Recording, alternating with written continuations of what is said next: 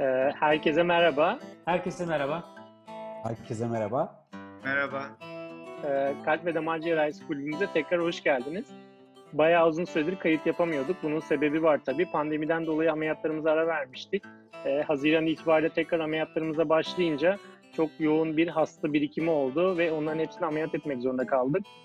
Bunun dışında tabii birazcık da izin dönemleri olduğu için kulübü toplamakta zorlandık diyebiliriz. Biraz dinlendik. Ee, ama kayıtlarımıza tekrar başlıyoruz. Ee, bu kaydımızda bir konuğumuz var. Ee, kendisi benim de Ege Üniversitesi Kalp Damar Cerrahisi birlikte çalıştığım Profesör Doktor Anıl Apaydın abim. Ee, kendisi eski Türk Kalp Damar Cerrahisi Derneği Başkanı. Aort cerrahisinde bir otördür kendisi. Ee, bugün bize antegral serebral perfüzyon e, teknik e, özelliklerinden ve klinik sonuçlarından bahsedecek. E, çok faydalanacağınızı düşünüyoruz sizlerin de. E, sözü şimdi Anıl abimize bırakıyoruz. Teşekkür ederim Serkan. Hepinizi sevgiyle, saygıyla selamlıyorum. Sevgili Arda, Barış, Serkan ve Utku. Ee, Çok güzel bir platform oluşturdunuz. Öncelikle tebrik ederim. Ben hem podcast kanalınıza hem YouTube kanalınıza e, aboneyim. Bu arada onu da belirteyim. Yani bilimsel içerik dışında bu ka- kahve sohbeti özellikle ilgimi çekti. Ee, Barış'ın bu Bach'ın artık yedi ceddini anlatması falan çok ilginçti gerçekten. Hoşuma gitti. Böyle bir platforma ihtiyaç var gerçekten. Ee, Hem tebrik ediyorum sizi hem de davetiniz için çok teşekkür ediyorum. Bugünkü konumuz antegral serebral perfüzyon. Uygulama yöntemlerinden, bu tekniğin gelişiminden ve klinik sonuçlarından bahsedeceğim. Sonra da sizin yorum ve sorularınıza göre daha detaylı olarak ilerleyebiliriz. Ee, beynimiz en kıymetli organımız. Bir buçuk kilo ağırlığında. Ee, hayata anlam katan beynimiz, beynimize de hayat katan perfüzyon diyorum. O kadar kana bağımlı bir organ ki istirahatte bile yüzde 15-20 oksijen tüketimini o sağlıyor. Fakat beynimiz bize bir güvenlik paketiyle geliyor. Bunun da karşılığı otoregülasyon. Yani çok farklı perfüzyon basınçlarında örneğin ortalama 50 ile 130 milimetre civarı arasında e, akım sabit oluyor beyinde. İşte pompaya girdiğimizde bile kardiyopulmoner bypass'ta önce iskelet kasından, bağırsaktan vesaire bir tasarruf yapılıyor. Fakat beyinden tasarruf yapılmıyor. Onun akımı sürekli sabit tutulmaya çalışılıyor. Bu otoregülasyonun çok e, ekstrem örneklerinden biri de bu zürafa. Zürafa bu yaratım ve evrim teorileri arasında gelip giden bir boynu var. Çok ilginç. Yaklaşık erişkin erkek zürafa 6 metre ve suya su içmeye eğildiğinde ve bir vahşi hayvan saldırdığında aniden kafasını 6 metre yukarı kaldırıp ne tarafa doğru koşması gerektiğini anlayabiliyor ve bunu temelinde sağlam bir otoregülasyon sistemi yatıyor. Bu otoregülasyon sistemi işte bu aort ameliyatlarında hipotermi vesaireyle e, kanı soğuttuğumuzda beyinde de maalesef bozuluyor. Özellikle 22 derecenin altında bir takım mekanizmalarla buraya kadar geliyor. Ondan sonra hipotermide beyin adeta gardı düşmüş boksör gibi. Savunması kalmıyor. Dolayısıyla hipotermide aşırı basınç veya perfüzyon beyin ödemiyle sonlanabilir. Buna luxury perfüzyon ya da aşırı perfüzyon diye ben e, tercüme ettim. Hiperperfüzyon zararlı olabilir. Şimdi bu beynimiz kana çok muhtaç. Beynimizin bu ihtiyacını azaltmak için hipotermi sağlıyoruz. Metabolik ihtiyacını azaltmak için. Karşılamak için de işte antegrat, retrograd, çeşitli perfüzyon yöntemleri var. Bunları uyguluyoruz. Bugünkü konumuz perfüzyon, antegrat perfüzyondan bahsedeceğiz. Perfüzyon dediğimiz zaman işte şu e, kalemler aklımıza geliyor. Akım ne olmalı? Basınç. Vücut sıcaklığı ne olacak? Beyine gönderdiğimiz kanın sıcaklığı ne olacak? Hematokrit optimal ne olacak? Hangi pH'i kullanacağız idare olarak? Alfa stat, pH stat. Nereyi kanüle edeceğiz? tek taraflı mı, çift taraflı mı uygulayacağız? Bunlar üzerinde kısa kısa bilgi vereceğim. Ancak bunun tarihsel gelişiminden bahsetmek istiyorum. Biliyorsunuz e, aort cerrahisi ile uğraşan ilk hekimler işte bu Amerikalı DeBakey ve Cooley'nin aslında ilk yaptığı antegral serebral perfüzyon. 1950'lerin sonlarında 62'de yayınlamışlar. Fakat sonuçlar çok kötü olduğu için terk edilmiş bir süre. Ee, çok yüksek mortalite ve e, stroke oranı var. Daha sonra 75'te gripin hipotermik sirkülater arresti var. Diğer yöntemler geliyor. Bunların üzerinde duracağım. Fakat bu hipotermik sirkülater arresti sunduğu zaman bile bu gripin yazısının e, alt bölümünde e, Roger Ecker isimli bir cerrah evet bu yöntem iyi ama biz de şöyle bir yöntem yaptık diyor. Bir sifilitik aort anevrizması hastasında her iki aksilleyi kanüle ettik. Bir de sol common karotis'e de perfüzyon uyguladık diyor. Yani hipotermik sirkülater arrest bir çığır açmışken bile bir taraftan antegrat serebral perfüzyon, olgu sunumları ya da burada gördüğünüz gibi grip gibi Norman Shamway'in öğrencileri böyle 10 hastalık 15 yılda 1970 ile 85 arasında biraz yüksek bir perfüzyon akımı var. 30 ile 50. 10 hastada yapmışlar. E, femoral arter ve e, innominat ya da sol karotisi perfüze etmişler. %30 mortalite ile devam etmiş çabalar antigrat yöntemi. Bu birinci isim de William Frist. Bu makaleden sonra senatör oldu. İki dönem Cumhuriyetçi Parti'den Amerika'da siyasete atıldı. İlginç bir kişilik. Fakat günümüzde kullandığımız yöntemleri popülerize eden iki büyük isim var. Arada bir de Matsuda var. Onun da bir serisi var ama Japon Kazui ve Fransız Başe gerçekten bu tekniği benimsetmişler. Biliyorsunuz Kazui'nin balonlu kateterle perfüzyonu var, geniş serileri var. Burada dikkatinizi çekmesini istediğim şey tek damarda biraz daha soğutmuş orijinalde 20 derece vücut. İki damar perfüzyonu bilateralde 25.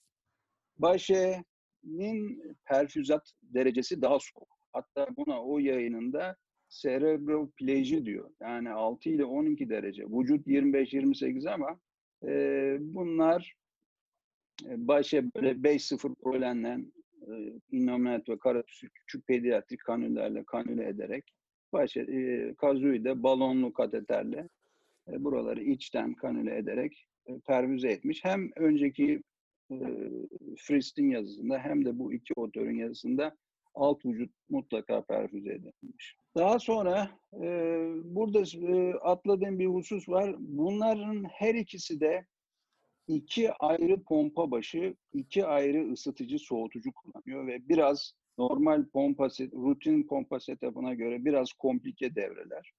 Bunu tek pompa başıyla, tek ısıtıcı soğutucuyla nasıl yapabiliriz daha basit diye e, bir takım düşünceler ortaya çıkmış. Aksiller arter ya da subklavyen arter, işte bildiğiniz gibi birinci kotun lateralinden sonra aksiller deniyor, proksimaline subklavyen. 1995'te Sabik tarafından kullanılmaya başladıktan sonra giderek popülerize oldu. Aort cerrahisinde de e, kullanılıyor. Bir de e, kendisini e, rahmetle anıyorum. Oğuz Taşdemir Hoca'nın e, literatüre kattığı ve hala başka ekoller kullanmıyor. Çok çoğunluğunu brachial arterin Türkiye Yüksek İhtisas Hastanesi ilk serileri var 2002'de ve çok iyi sonuçlar var gerçekten. Daha sonra geleceğiz bunlara.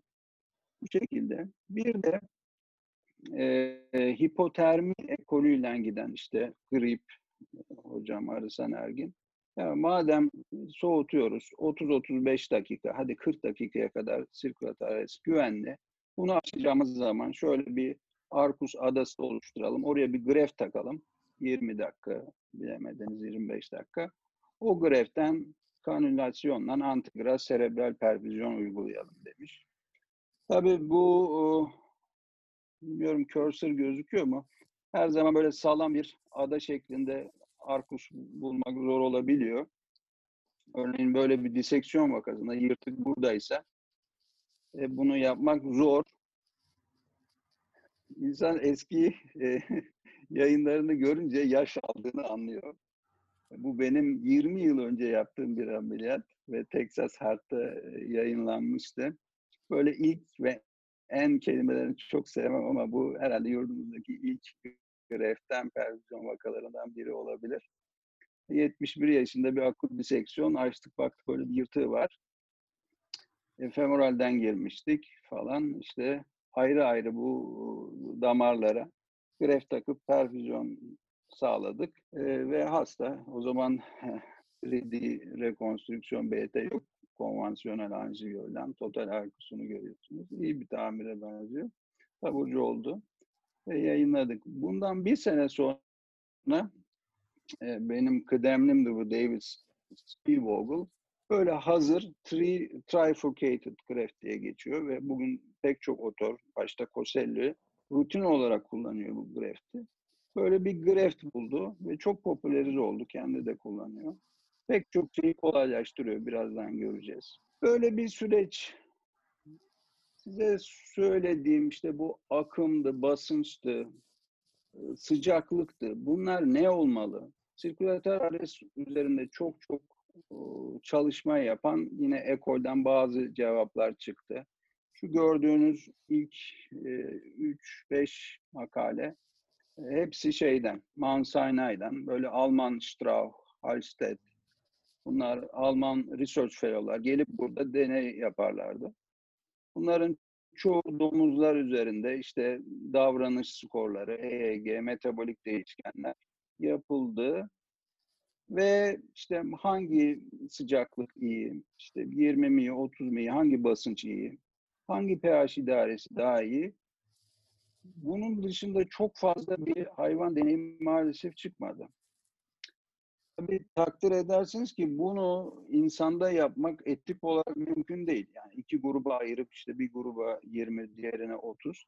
Fakat bir takım serilerle bunun güvenilirliği, güvenilir olduğu ortaya kondu. İşte yine Yüksek Lisans'tan Şeref'in yazısı var. Ee, bunlar 2010'dan önceki yayınlar. Ben bir ara bakmıştım bu sonuçlara. İşte 26 derecede, 28 derecede. E, Kazu 25 hiç değiştirmiyor o. E, güzel kabul edilebilir.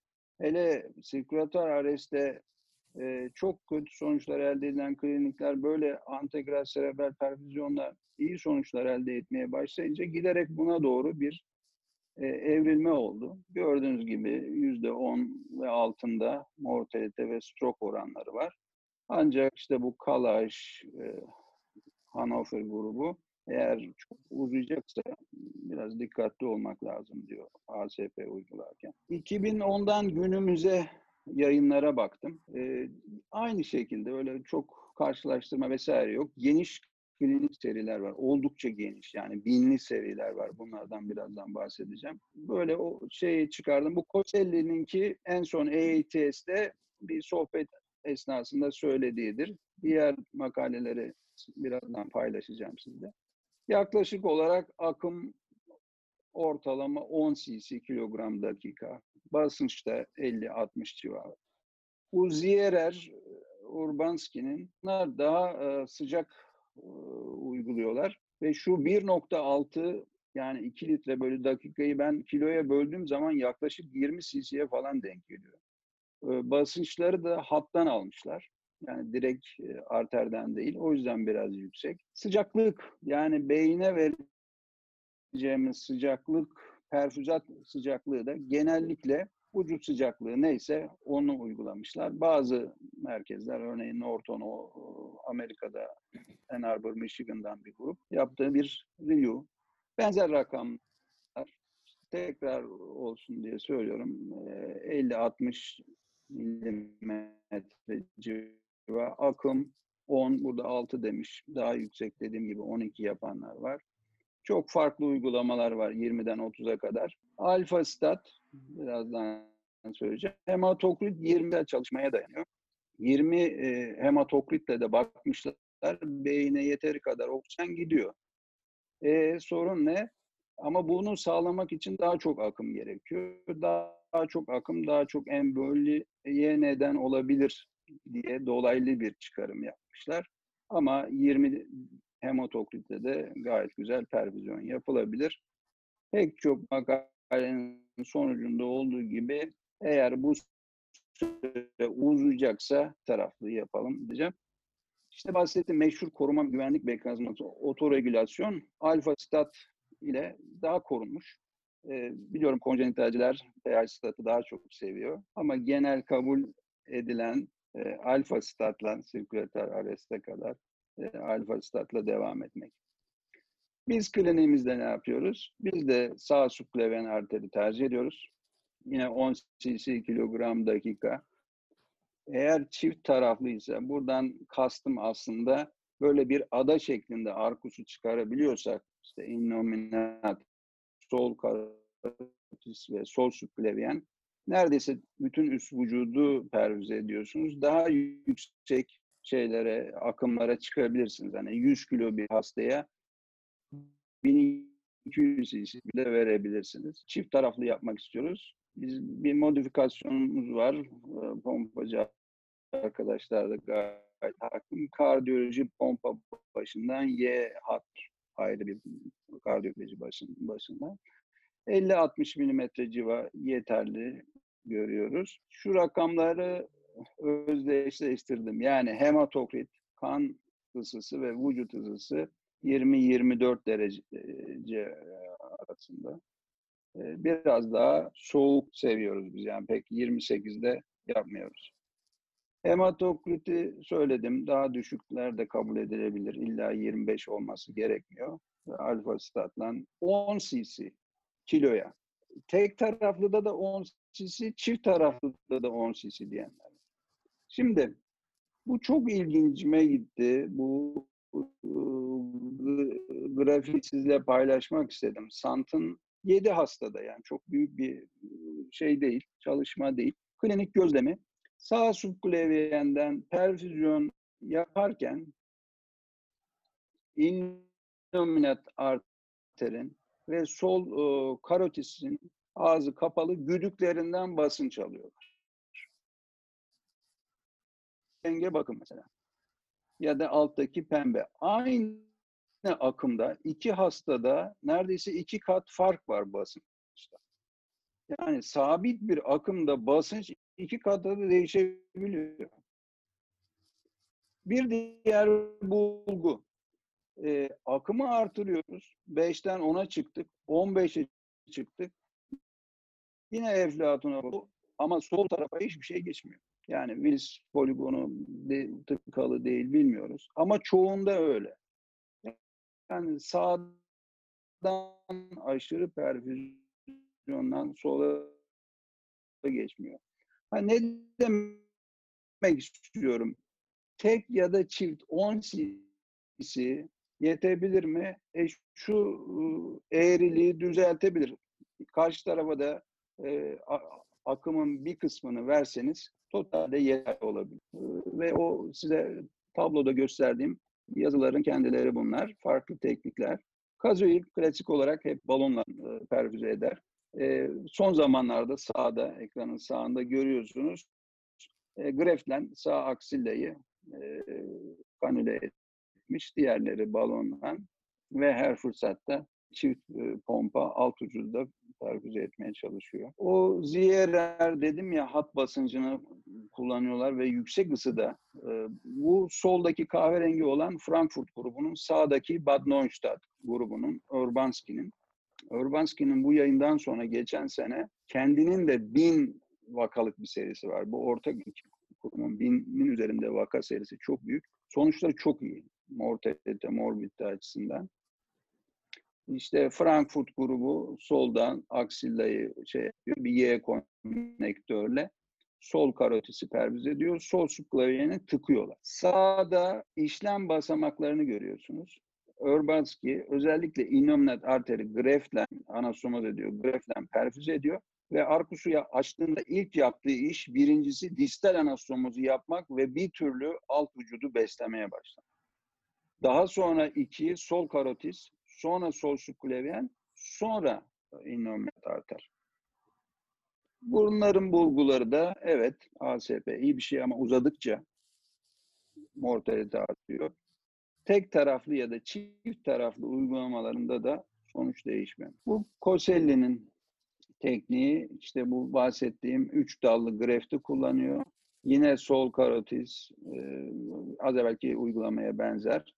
E, sonra e, dallı greften distal anastomozu yapıp e, alt vücudu besliyor. Evet, bu soruya geliyoruz. Alt vücut pervizyonu gerekli mi? Şimdi bir çalışma var. E, modere hipoterminin diyor güvenliğinden bahsediyor. Güvenlidir diyor. Ama bulgulara bakalım. Şimdi propensity analizi yapmışlar. 92'şer grupluk iki grup var. Bunlar da 25-28'de alt vücut iskemisi ASP ile beraber 60 dakikanın üzerinde ise parapleji %18. 20-24'te parapleji sıfır. Fakat istatistiksel anlamı yok ve çıkarımları şu, güvenlidir. Bence değil ama bir yorumda yapmışlar. Başka yayınlarda da var. Eğer uzuyorsa bu süre yüksek sıcaklıklarda 28 derecedesiniz 60 dakika 90 dakika alt vücut iskemisinde mortalite artmasa bile morbidite artıyor. Böbrek yetmezliği, işte yoğun bakımda kalış süresi, solunum yetmezliği daha fazla. O yüzden pervize edilenlerde daha az. Bir de bir e, Christian Etz'in bir domuzlarda meşhur bir çalışması var. 90 dakikanın üzerinde 28 derecede parapleji riski artıyor. Dolayısıyla uzun e, ASP'lerde alt vücudu pervize etmek gerekir. Şimdi birkaç tane e, an, tek taraf mı, çift taraf mı? Onunla ilgili bir e, kaç makale sunacağım. Bu tek merkez. Bunlar e, tek taraflı pervizyonun stroke ile ilişkili olduğunu söylemişler ve bilateral daha iyidir diyorlar. Burada 3500 hastalık bir met, meta analiz var. İkisinde de eşit diyorlar fakat süre arttıkça özellikle 40 ve 50'nin üzerinde e, bilateral daha iyidir diyorlar. 5100 hasta e, 2014. Yine işte mortalite, kalıcı, geçici olaylar, nörolojik olaylar benzer. Eğer yüksek sıcaklıkta 28'de ve uzun bir antegral serebral perfüzyon yapıyorsanız mortalite ve stroke daha fazla. Az evvelki tablodaki diğer yayınlardan biri. Bunlar yeni 2020 e, yazıları diye söylüyorum. Ee, akut diseksiyonda incelemişler. Tek ve çift. Mortalite ve ikinci sonuçlar benzer. Bilateral perfüzyonla 50 dakikanın üzerindeki hastalarda uzun dönem sağ kalım daha iyi diye bir sonuç çıkarmışlar. Fakat yazıyı inceledim. Tek taraflılarda 50 dakikanın üzerinde vaka yok. E, bu da bu makalenin zayıf tarafı. E, bunlardan bir not düştüm. Hani tek taraflıyla giderken NIRS oksijen satürasyonunda yüzde 15-20 bir düşme saptamışlar. E, saptanıyorsa ya da backbleeding oradan azsa sol karotitte e, kanüle edip bilaterale geçmişler bu serideki uygulama. Bu Prevensa Coselli'nin grubu, onun sağ kolu. Böyle bir çalışmaları var. Bunlarda da mortalite yüzde 13, sağ kalanlarda stroke yüzde 13, yani 4 hastadan biri majör sorun yaşamış. Bunlarda da tek taraf ya da çift tarafta mortalite, stroke, geçici nörolojik bozukluk açısından fark yok. Dediği gibi süre uzadıkça mortalite ve stroke artıyor. Bu Ann Arbor, Michigan'dan bir çalışma. Üst tarafta kırmızılar bilateral, yeşiller unilateral e, pervizyon ve son yıllarda giderek unilateral pervizyona, tek taraflı pervizyona e, pratikte geçtiklerini söylüyorlar. Bunun temeli de bu sonuçları. Fark yok. E, hem de sol taraflı stroğa bakmışlar. Madem unilateralde karşı taraf çok beslenmiyor, sol taraflı stroğa bakalım demişler. Alt tarafta şu gördüğünüz yüzde 0.7 tek taraflı perfüzyonla. Fakat baktığınız zaman evet mortalite stroke açısından fark yok ama gruplar eşit değil. Çünkü unilateralde E, ortalama sirkülatör arrest süresi 30, diğerinde 45 dakika, bir buçuk katı fazla. Bu da bu zayıf tarafı bu çalışmanın. E, toparlayacak olursam, evet antegrat serebral perfüzyon çok büyük avantajları var. Fakat rutin olarak e, aort, elektif aort ameliyatı, arkus replasmanı yapmayan arkadaşlarımız gecenin ikisinde bir akut diseksiyonla ve özellikle hemodinamik olarak sıkıntıda, tamponatta olan bir hastada bir de özellikle sağdaki slaytı çektiğim kilolu aksiler artere ulaşması çok zor bir hastada. 15-20 santim derindeki bir hastada sadece sirkülatör arrest yapabilirler. Yani antegrat yapamıyorum diye yani bir eksiklik ya da e, yanlış bir uygulama olarak düşünmememiz lazım. Artıları var, eksileri var. Femoral kanülasyon yapmak da bir suç değil. Onu da belirtmek istiyorum. E, Eleftheri iadesinde bir yazısı var. E, böyle bir hastada tek anastomoz yapacaksınız ve hızlı olacaksınız. Sadece sirkülatör arrest yeterli. Ama total arkus yapacaksanız hasta elektif geldi ya da arkus berbat değiştirmeniz gerekiyor. O zaman her türlü hazırlığınızı yapacaksınız ve e, antegrat e, serebral perfüzyon uygulayacaksınız. E, sonuç olarak diğer e, ekoller gibi biz de sağ subleven kanülasyonu seviyoruz. Ancak bazı dezavantajları da var. Bir kere hastayı erken ısıtamıyorsunuz. Alt vücudu perfüze edemiyorsunuz. Dolayısıyla replasman tipine göre, anatomiye göre az evvel gösterdiğim farklı uygulamalar yapılabilir. Tekrar edeyim, hiperperfüzyon çok zararlı olabilir. Düşük ısılarda aşırı bir perfüzyon beyin ödemine neden olabilir. Gerçekten ASP ile birlikte çok daha rahat olabiliyoruz. Çok geniş yani clamshell kesisiyle bütün torakal aortu değiştirebiliyoruz. Bunu sadece sirkülatör arrestle yapmak düşünülemezdi bile. Ama gerektiğinde çok geniş aort replasmanları yapıyoruz. Ama e, ASP benim gözümde hala yardımcı bir yöntem, esas yöntem hipotermi. Böyle 35 derecelerde falan varmış öyle İtalyan serileri. E, bence tehlikeli olduğunu düşünüyorum o ısılarda aort cerrahisi yapmanın ve ASP uygulamanın. Dolayısıyla bir miktar soğutmakta fayda var diyorum. Sözlerimi burada bitiriyorum. Yorum ve katkılarınızı bekliyorum. Buyurun. Abi Utku'nun sorularına geçmeden önce biz isterseniz. Not, notlarımı aldım. Ya sor... Abi ben şeyi sormak istiyorum. Ee, hani her türlü nihayetinde özellikle hani e, Asen'dan e, kendisi de öyle, Arkus da öyle keza. E, hem diseksiyonlarda hem anevrizmalarda bu e, işte beyni koruma yöntemi ne olursa olsun serebral monitorizasyon için e, ne tercih etmek lazım sizce? En uygunu hangisi? Yani çünkü çok çeşitli modaliteler var. Hepsinin avantajları var, dezavantajları var ama işte en kolay olanı hani ben kendi açımdan e, NIRS gibi düşünüyorum ben. Elimin altında da var. Beni çok rahatlatıyor. Sizce Evet. sadece NIRS kafi mi yoksa e, hani yine de daha güvende hissetmek için ek yöntemlere gerek var mı? Valla hiçbir yöntem güvenli değil. Bir kere onu kabul etmek lazım. Yani bir yönteme güvenerek e, stroke olmayacağını söylemek mümkün değil. Hı hı. Yani e, yurt dışında da gördüm. NIRS size bölgesel genel bir kan akımı satürasyonu veriyor. E, çok küçük bir yerde küçük bir embolinin neden olduğu stroke'tan sizi haberdar etmez. Hı hı. E, EEG çok kullanıldı. O da aynı şekilde. Griple çalışırken çok üzerinde duruyorlardı. Jugular ven oksijen satürasyonu.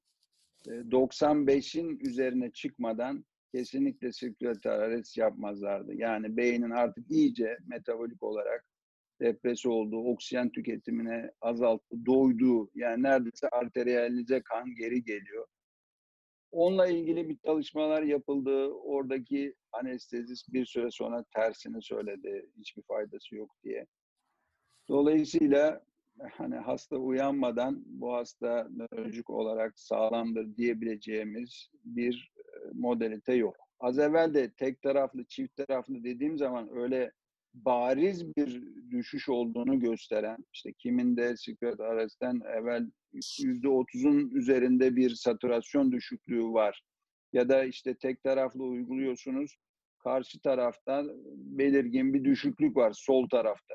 %25, 20, %20 civarında bir düşüklük var. Bu size bir şeyler söylüyor. E, bilaterale geçin diye. Ama e, hiçbir e, e, yöntem tam olarak size bu hasta nörolojik olarak tam uyanacak diyemiyor. Bir de ben şunu merak ediyorum. Şimdi e, hani çok da fazla aslında bir şey yok bu konuyla ilgili ama şimdi biz hep intraoperatif döneme odaklanıyoruz. İşte perfüzyon sırasındaki sıkıntılardan kaçınmaya çalışıyoruz. Ama şimdi bu hastaları e, tutal sukratörese soktuğumuz zaman da öyle. Hani sonuçta hipotermi de öyle. Çok büyük bir cerrahi. Hem metabolik hem fizyolojik bir sürü değişiklik oluyor. Bu hastaları yoğun bakıma getirince de aslında serebral monitorizasyon yapmak daha güvenli değil mi? Şimdi e, nörolojik e, beyin koruma yöntemine göre nörolojik sonuçları ayırmıştım. Ayrı bir takım slaytlarım da var. E, ama o apayrı bir konu. Kısaca değineyim.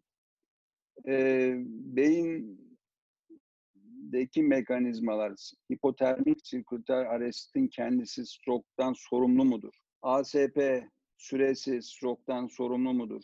Bunu bilmiyoruz. Evvelden Arısan Bey'in bir yazısı var. Beyin koruma metodunun süresi stroke ile ilgili değil, geçici nörolojik bozuklukla ilgili diyor.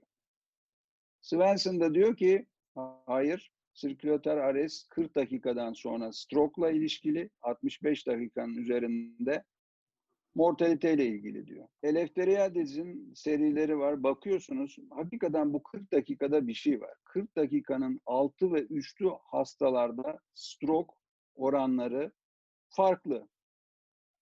Bir, beyinde hiyerarşik kan akımı ile ilgili bir takım şeyler bulundu. Yani beyinde her yere aynı oranda kan gitmiyor. Bazı neokorteks daha çok kan alıyor. Diğerleri azalıyor. Duruma göre bilinmiyor. Kapı teorisi gibi. ihtiyaca göre. Bu bir. İkincisi emboli. Pıhtı, emboli. Ne zaman attığı belli olmuyor. Değil mi? Pompada olabilir, hava embolisi olabilir, yoğun bakıma çıkar olabilir, koagülasyon, pıhtılaşma sistemiyle olabilir, yağ embolisi, istediğin kadar antikoagülan ver, e, kolesterol, kireç kristallerini ortadan kaldıramazsın. E, bu gibi pek çok şey var. Artı aort diseksiyonu. Her hasta ayrı. Intraoperatif malperfüzyon olabilir. Bu hasta soğurken olur, ısırken, ısınırken olabilir, postopta bile olabilir. Yani sen en güzel ameliyatı yapıyorsun, en güzel e, koruma yöntemini yaptın, soğuttun, antegrat ama orada sallanan bir flap, sen soğurken Clarence koyduktan sonra orayı tıkar, burayı tıkar. Yani şunu demek istiyorum. Kendi çalışmalarımızda da karşılaştık. Sirkülatör karşılaştırdık. Bir makalem var. Sirkülatör arrest uyguladığımız hastaları antegral serebralden karşılaştırdık. Stroke arasında fark yok. Mortalite arasında fark yok. Ve böyle bulan bir sürü çalışma var. Dediğim gibi o slaytlar burada duruyor ama konu uzamasın diye getirmedim. Stroke sadece beyin koruma yöntemine bağlı değil, multifaktöriyel bir şey. Bunu ameliyatta ya da yoğun bakımda monitörize etmek, öngörmek oldukça zor.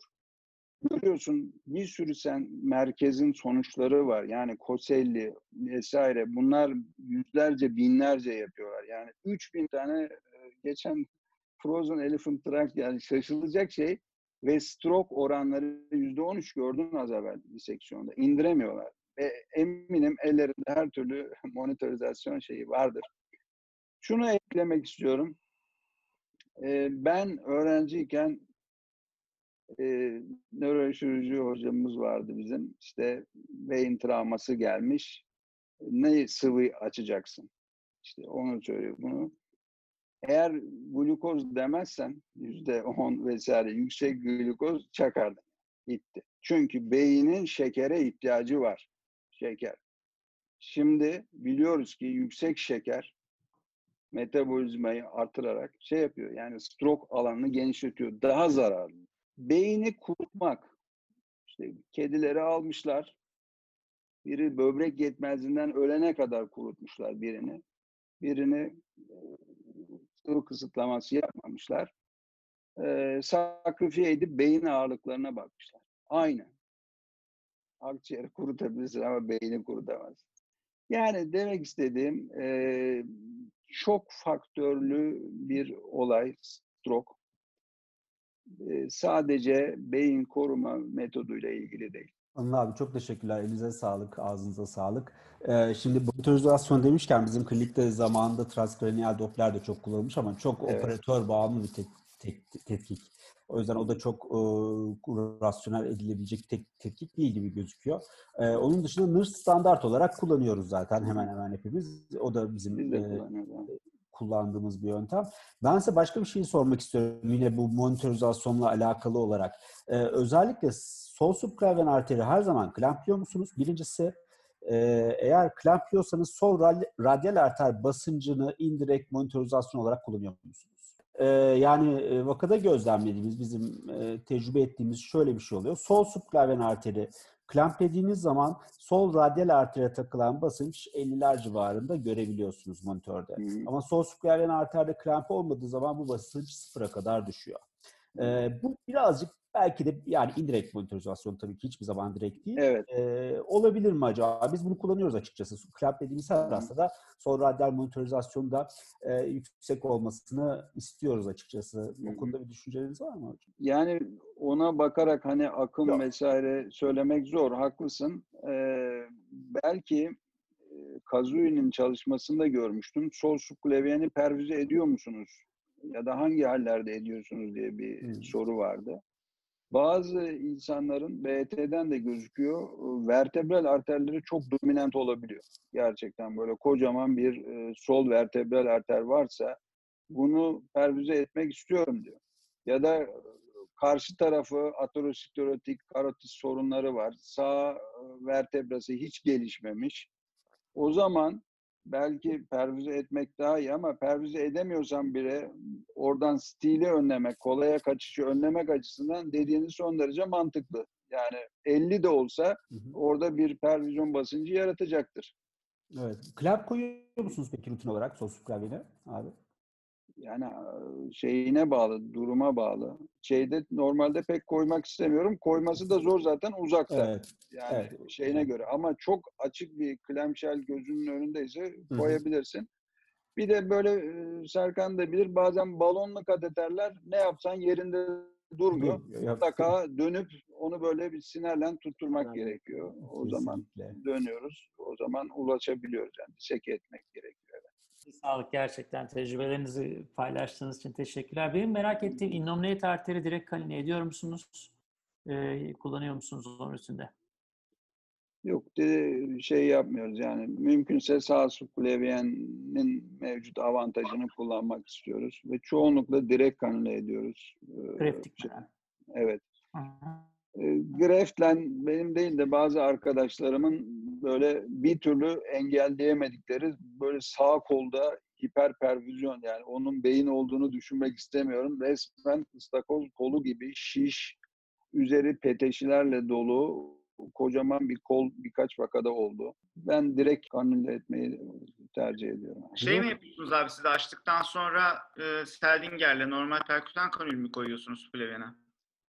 Yok ben açık hatta yani ilk bu 1998'de falan bu griple başladığımızda pediatrik dik açılı kanüller vardı. Onları kesip koyuyorduk. Sonra bu kanüller falan çıktı. Ben hala açık koyuyorum. Ee, hele diseke falansa görmeniz lazım. Yani Seldinger'le diseke bir Perkütan- süprele. Ben şey yapıyorum mesela subklavyeni açtıktan sonra yani normal explore ediyorum subklavyeni. Ondan sonra şeyle e, teyplerle askıyı alıyorum ama yine perkütan kanülü Stellinger'le Anladım. tutuyorum damara. Onu sordum. Ben ben açık tercih ediyorum ve arteriotomimi de oblik yapıyorum. Hı hı. Yani longitudinal ya da vertikal değil, oblik. Bu size hem yer avantajı sağlıyor hem de kanülü çok güzel içeri itmenizi sağlıyor. Oblik Barış. arteriotomi seçiyorum. Ben araya gireyim. Barış e, düz kanül kullanıyor muhtemelen. Biz kıvrık kanül kullanıyoruz. 90 Evet. derece açılı. Evet evet. O yüzden seninkisi Seldinger'e uygun, bizimkisi değil. Biz e, ekol olarak öyle alıştığımız için hep 90 dereceli açıyla kanül ediyoruz. Benim koyduğum normal femoralden perkutan konulan konileri ben açık olarak yine Seldinger'le koyuyorum. Var öyle rutin yapanlar var evet. Benim ben her gün soru sorma fırsatım olduğu için Anıl abi bütün gün kafasının etini yiyip her şeyi öğreniyorum. O yüzden çok soracağım bir şey yok. Sunumu da daha önceden görmüştüm. Sadece arkadaşlara bilgi olsun diye soralım. Yani antegral serebral perfüzyon düşük ısılarda bile uygulayacağımız zaman hani bazen derin hipotermik sirkülatör arreste ek medikasyonlar uygulayabiliyoruz serebral koruma için. ASP artı böyle hipotermik vakalarda veya ılımlı hipotermide bir şey önerir misiniz? Bir faydası var mı? Yani biz e, biliyorsun e, metilprednizolon eğer sirkülatör arrest tek başına uygulayacaksak ve 30 dakikayı geçecekse onu öyle bir şey öngörüyorsak veriyorduk. E, Kiloya 30'dan yüksek bir doz yaklaşık 2 grama tekabül ediyor. Onun dışında bazı ekoller hala barbiturat falan kullanıyor. Kesinlikle kullanmıyoruz. E, ve modere hipotermi artı ASP yapacaksak bence ek medikasyona gerek yok. Anıl abi ek medikasyon derken benim aklıma şey geldi. Zamanında daha da düşük derecelere düşerken kafaya buz konurmuş. Siz yapıyor musunuz onu şu anda? Şu anda yapmıyoruz. Evvelden yapıyorduk. Evet. Ee, grip Bizim falan da yani ben ben gripin 12 dereceye falan soğuduğunu biliyorum yani. hı. Öyle şeylerle uğraşıyorlardı ki daha da soğutmak mümkün mü? Ee, 8 dereceyi geçtikten sonra hücre içinde kristalizasyon başlıyor memeli hücrelerinde ve işte maalesef insanlar öyle dondurma gibi bir şey yok. Bu kutuptaki basit canlılar eksi 40'a kadar kalıyor. İşte karlar eriyor, canlanıyor ama e, bizim hücrelerde öyle bir şey yok. Böyle HES, e, PAN benzeri bir takım maddelerle önce dokuyu bir perfüze edip sonra daha da soğuklara inme gibi böyle bir takım şeyler yaptılar ama gelmedi yani sonuç. Ee, biz gündüz konuşmuştuk. Utku senin de sorun bu. Alt vücut perfüzyonu durumunda nasıl bir teknik kullanılabilir? Evet, şöyle aslında Allah ben çoğu sorumun cevabını aldım sizden aslında ama ben yine de e, özellikle e, ondan önce bir şeyden bahsetmek istiyorum. Asistanlarımızdan çok duyduğum bir soru olduğu için çift taraflı perfüzyona geçtik. Debiyi niye arttırmıyoruz? Bunun cevabını çok güzel aldık. Çok teşekkür ediyorum onun için. Ee, o gayet güzel oldu onu vurgulamanız. Ona sevindim. Visceral perfüzyon evet Serkan'la konuştuk. Onu, e, yani aşağıya ayrı bir pompa başlığı kullanınca en çok merak ettiğim şey debiyi nasıl ayarlıyorsunuz? Nasıl bir debiyle veriyorsunuz oraya? Bizde iki pompa başı yok. Yani, Yok. Ha, tamam. Evet. Ha, tamam ben Ye, öyle- ye- yok iki pompa Ha, başı Y yok. hatta. Teknik olarak ama- nasıl yapılabilir? peki. Onu bu Hayır, Şimdi e, şu, var. benim en büyük çekin en büyük çekincem şu oluyor ama abi sözünüzü de kestim. Şimdi sistemik vasküler rezistans o anda hastada düştüğü an beyinden acaba çalacak mı kanı Y hat kullandığımız zaman? En büyük çekincem bu. alt vücuda yani e, ne kadar kan vereceğiniz belli değil yani. Akımda dediğin gibi e, bir tarafa 1.4, bir tarafa 3.8 vesaire denenebilir ama sonuçta böyle ucundan deneyerek akıtsan bile direnci bilemediğin için ne kadar gittiğini bilmiyorsun. Ama ne kadar az verirsen de ver hiç vermemekten iyi. Yani alt vücut. Şu var alt vücuttaki en önemli şey evet böbrek, parapleji riski ama en büyük sıkıntı aslında bağırsaklar. Bağırsaklardan bir deneysel çalışma vardı bildiri şeklinde ama bir türlü yayınlanmadı. Onlar göstermişler. Böyle vazodilatasyona neden olan aminler salgılanıyor. İskemi uzadıkça bağırsakta ve bu size postoperatif dönemde yüksek inotrop ihtiyacı vesaire olarak dönüyor. Ee, benim genel olarak işte Y hattıyla diyelim sol karotisi de kardiyoplejiden besliyoruz. Onu söylemiştim. Bizim böyle bir modifikasyonumuz var. İkinci pompa başta onu saymadım. Ama e, bir türlü distal anastomozu yapıp oraya da perfüze etmek e, de fayda var. İşte şeylerde gördünüz. E, Koselli'de. Urbanski'de. Bunlar nispeten Urbanski 30-32'de falan yapıyor. Koselli biraz daha modere. İşte ben daha da 20-24'te kendimi güvende hissediyorum.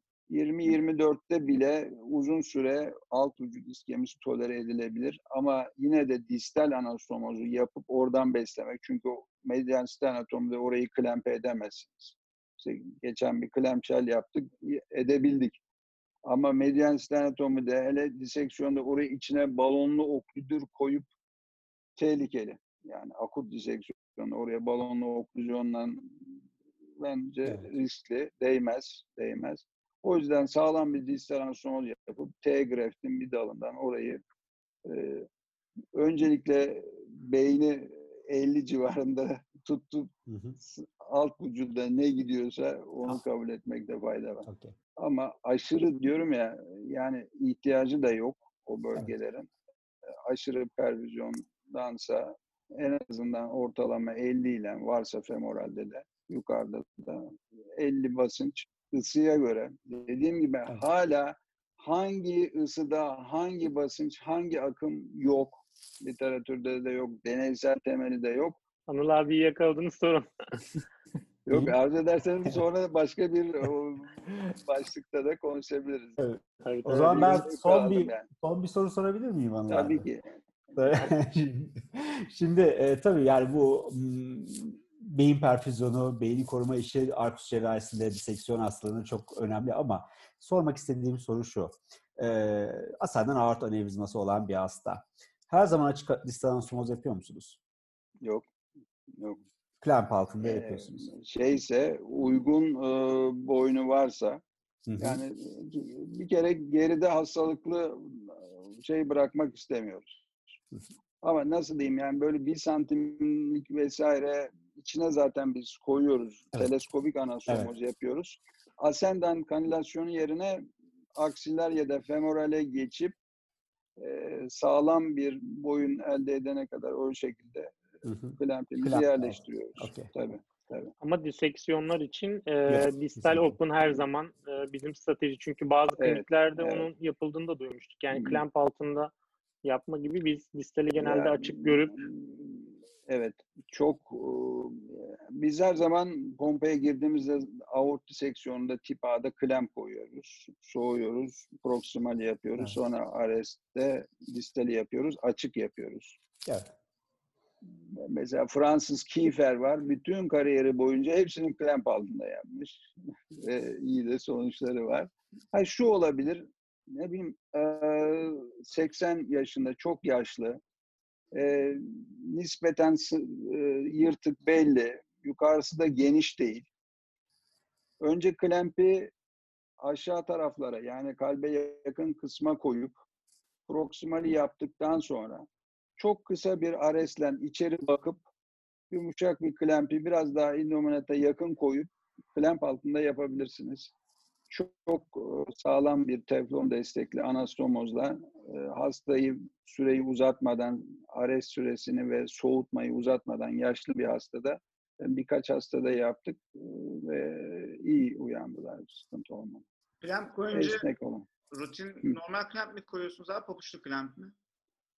Bizim rutin e, pedit clamp ama bir de bunların çok yumuşakları vardı bir ara. Onlardan değil. Normal pedit clamp. Yani pedit yumuşak. Aşırı değil ama. Hı. Papuçlu E, koyduğumuz yeri rezeke ediyoruz. Onu demek istiyorum diseksiyonda.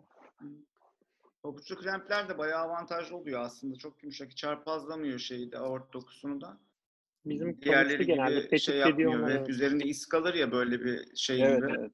E, o papuçlu klempler o açıdan bayağı şey oluyor, avantajlı oluyor ama işte tabii onun da maliyeti var. Bu yayınımızın konuğu Profesör Doktor Anıl Apaydın'dı. Kendisine e, antikat serebral perfüzyonla ilgili e, katkılarından dolayı çok teşekkür ediyoruz. E, sorularımızı da sorduk. E, iyi akşamlar dilemek istiyorum. Hoşçakalın. Hoşçakalın. Hoşçakalın. Ee, ben de son bir şey. Ee, Anıl hocamız, Anıl abimiz bu ekipte bulunan herkesin hem uzmanlık hayatında hem doçentlik sınavında ve sonrasında hepimize gerçekten çok faydası dokunmuş. Ee, gerçekten bizde emeği olan bir abimiz. Ee, ben bu vesileyle kendisine hepimiz adına da e, bu konuyla ilgili tekrar teşekkür etmek istiyorum. Bilgilerinizden ve tecrübenizden her zaman yararlanacağız inşallah. Teşekkür ederiz. Ağzına. Güzel sözleriniz için, davetiniz için ben teşekkür ediyorum. Hepinizi sevgiyle kucaklıyorum.